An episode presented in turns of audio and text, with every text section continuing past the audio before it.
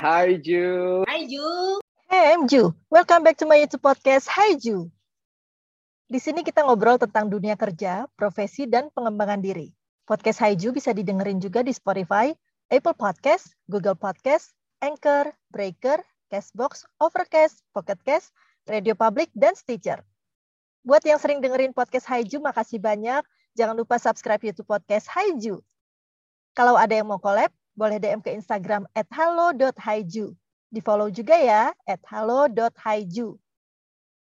Di episode kali ini, kita akan ngobrol sama Kristi tentang pengalamannya menjalankan UMKM di bidang cemilan makanan. Selamat mendengarkan.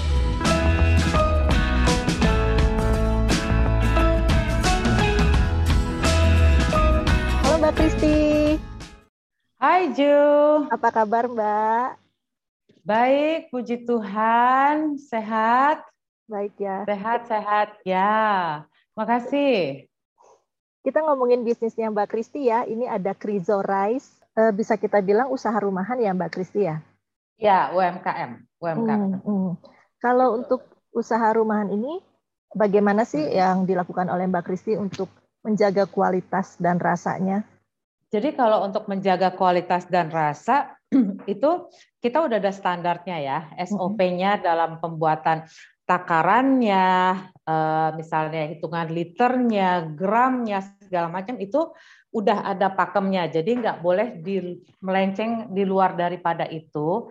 Dan eh, yang kedua teknik produksinya itu juga harus konsisten ya. Biasanya sih saya kalau ke karyawan yang bantu saya, saya akan ajarin cara misalnya cara motong, cara eh, bikin adonannya, bahkan cara mixingnya aja harus pas ya. Maksudnya Mm. mixing adonannya ngeblendnya tuh harus pas.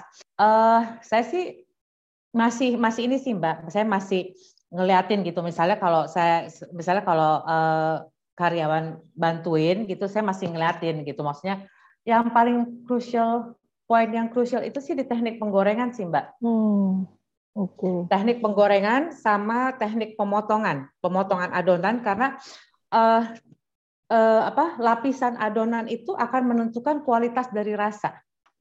Jadi sebagai pembedanya antara si Krizo Rice dibanding dengan tadi rengginang, gendar, dan cemilan serupa lainnya adalah Chryso rice ini adalah sebuah eh, produk keripik yang terbuat dari bahan dasar nasi yang diproduksi eh, dibuat tanpa unsur MSG ya, tanpa mengandung unsur MSG sama sekali dan eh, memiliki empat varian rasa yaitu jamur, eh, original, daging sapi dan rumput laut. Itu. Jadi itu eh, salah apa selling point-nya Hmm, dari keripik nasi kami. Iya. Gitu. Udah nasi uh, flavorful dan tanpa MSG. Itu selling point-nya. Gitu. hmm. Mbak Kristi sendiri penyuka cemilan rice crackers ya?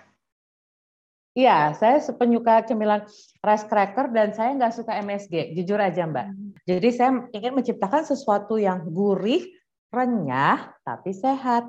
Gitu. Hmm. Gitu. Hmm, hmm, Oke. Mbak Kristi tadi Hmm. sebut kalau Krizo Rice ini usaha rumahan UMKM ya, sudah terdaftar sebagai UMKM ya. Kalau Hmm. eh, persyaratan atau cara mendaftarkan usaha kita sebagai UMKM tuh gimana sih Mbak? Boleh dibagi pengalamannya? itu dokumennya lumayan Mbak. Banyak. Itu ada ada ada denah bangunan, Hmm, layout bangunan sampai eh, foto perlengkapan, peralatan produksi, hmm, eh, foto lokasi itu semua disurvei dulu sama orang PTSP. Jadi nggak Hmm. langsung izinnya itu keluar ya. Sampai itu harus menyerahkan dokumen eh, ini Mbak, fotokopi PBB. Jadi hmm, memastikan kalau tempat itu produksi kita yang punya, kita bayar pajak. Kita taat pajak dan itu memang benar punya kita gitu ya. hmm. Jadi Dan Kalau- sorry saya potong. Dan bangunan itu boleh eh, berbentuk rumah tinggal. boleh, boleh, boleh. Kalau UMKM masih bisa mbak, Hmm. tapi kalau udah pabrik, uh, udah udah kelasnya BPOM nggak bisa. Oh oke. Okay. BPOM nggak bisa. Berarti kalau UMKM uh, tidak harus mendapatkan uh, dari BPOM ya? BPOM? Enggak, enggak, enggak. Hmm. UMKM itu juga tergantung Mbak jenisnya. Jadi kalau hmm. misalnya kayak saya jenis uh, produk cemilan, kita hmm. ada izin namanya izin edar PIRT, produksi hmm. industri rumah tangga. Hmm. Jadi buat teman-teman yang mau dapat sertifikasi, ini saya sekalian bagi info ya. Yeah. Bisa datang ke kantor DPE yang di Cideng. Ya, hmm. mudah-mudahan masih ada di sana ya, kantor Dinas Perindustrian Energi. Karena di tahun 2019 akhir itu kita masih penyuluhan di sana, hmm. ya kan. Hmm. Nah, Terus kita ikut serangkaian uh, workshop sampai pada akhirnya Mbak saya dapat uh, sertifikasi halal. Hmm. Itu juga setelah ikut penyuluhan uh, sertifikasi halal ya. Nggak hmm. bisa nggak bisa nggak bisa tiba-tiba langsung main ujian aja nggak bisa. Hmm. Hmm. Jadi itu rangkumnya gitu ya. Penyuluhannya itu ada beberapa. Terus ujian dulu, sertifikasi, ujian lagi, baru izin edar keluar. Lumayan hmm. sih Mbak. Hmm, Oke. Okay dengan tadi eh, Mbak Kristi sudah jelasin kan ada dokumennya juga cukup banyak, prosesnya juga cukup lama, ya tahapannya juga berlapis-lapis. Itu kan bukan sesuatu yang mudah gitu ya. Nah, eh, apa nih yang kita dapatkan sebagai in return gitu? Support apa yang kita dapatkan? Uh, mungkin gini sih Mbak, bisa bantu kita pemerintah itu dalam arti uh, misalnya menghubungkan kita dengan pihak retail. Itu yang saya pengen. Jadi nggak mesti UMKM sendiri yang ngedatengin mau kerjasama dengan pihak retail, tapi ada eh, bantuan atau eh, backup dari pemerintah. Jadi buka channel, misalnya eh, kementerian yang small medium enterprise. Bisa gitu loh, buka wadah, kita bisa kerjasama sama retail, misalnya sama Indomaret, Alfamart, kan selama ini belum ada Mbak. Karena hmm. kalau misalnya kita mau masukin sendiri Mbak, itu untuk masuk ke retail aja itu ada harganya. Hmm. I'm sorry to say. Hmm. Untuk display aja tuh ada harganya, Mbak. Itu tuh ada ada masa sewanya dan itu displaynya itu kan udah ditentukan di supermarket hmm. gitu loh. Jadi hmm. kita mau nawarin aja dari pihak retail itu udah yang harganya segini. Kan hmm. kayaknya kurang uh, benefit ya buat kita gitu loh Mbak. Dan harusnya sih pemerintah bisa pemerintah seperti uh, apa uh, small medium enterprise di Indonesia bisa menjadi jembatan itu sih Mbak. Bagaimana um, Mbak Mbak Kristi sendiri um, punya strategi untuk memperkenalkan dan memasarkan Rice ini? Jadi ada beberapa sih Mbak. Jadi dari mulai dari content marketing, platform uh, streaming video, terus social media marketing, sama search engine optimization.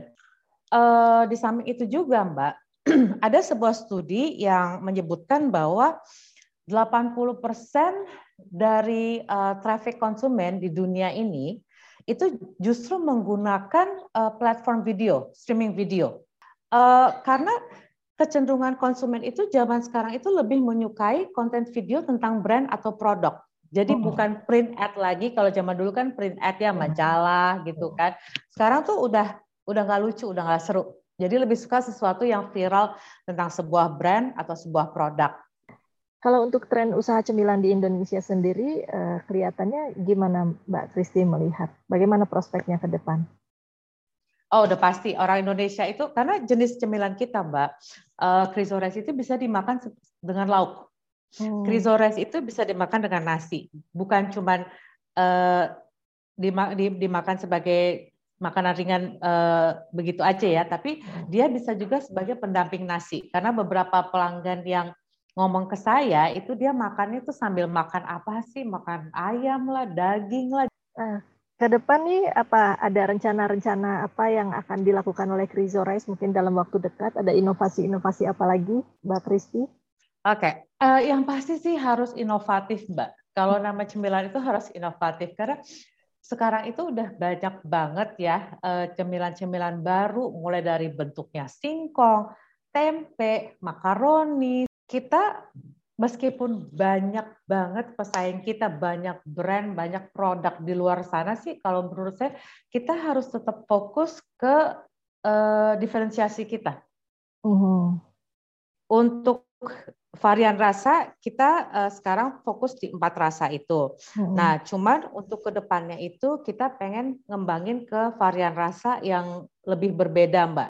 Varian rasa udah pasti ya, kita ada hmm. Arah ke sana. Cuman kan kita nggak bisa sembarangan juga. Oh, mau mau bikin varian rasa ini aja gitu kan. Kita harus riset pasar dulu ya. Mm-hmm. Kita harus uh, tanya-tanya ke konsumen, kita harus dapetin feedback dari pelanggan, dari uh, calon prospek kita. Jadi kita harus survei pasar dulu sih, Mbak. Untuk ke depannya sih satu kita pengen nambah varian rasa dan kedua kita mungkin pengen fokus uh, marketing strategi kita itu bukan ke lebih ke ini sih Mbak. Kita tuh pengen lebih ke memprioritaskan kepuasan pelanggan sih. Jadi produk kita direkomendasi dari satu pelanggan ke pelanggan yang lainnya. Semoga semakin sukses ya usahanya Mbak Kristi dengan Krizo Rice. Mudah-mudahan segala rencana-rencana inovasinya juga bisa berjalan dengan baik dan hasilnya bagus. Uh, tambah banyak pelanggannya, meningkat penjualannya, Amen. ya, meningkat Amen. juga profitnya. Terima kasih banyak ya, Amen. ya Mbak Kristi ngobrol-ngobrolnya sore ini. Ya. Oke, terima kasih Haiju. Senang uh, ngobrol-ngobrolnya sore ini ya. Ya, semoga bermanfaat juga. Khususnya tadi sudah berbagi pengalaman untuk menjalankan industri rumahan dan mendaftarkan diri menjadi usaha UMKM ya. Iya, betul. Terima kasih Mbak Kristi sekali lagi. Selamat sore. Oke, selamat sore. Hai Ju. Thank you for having me. Dadah. Bye.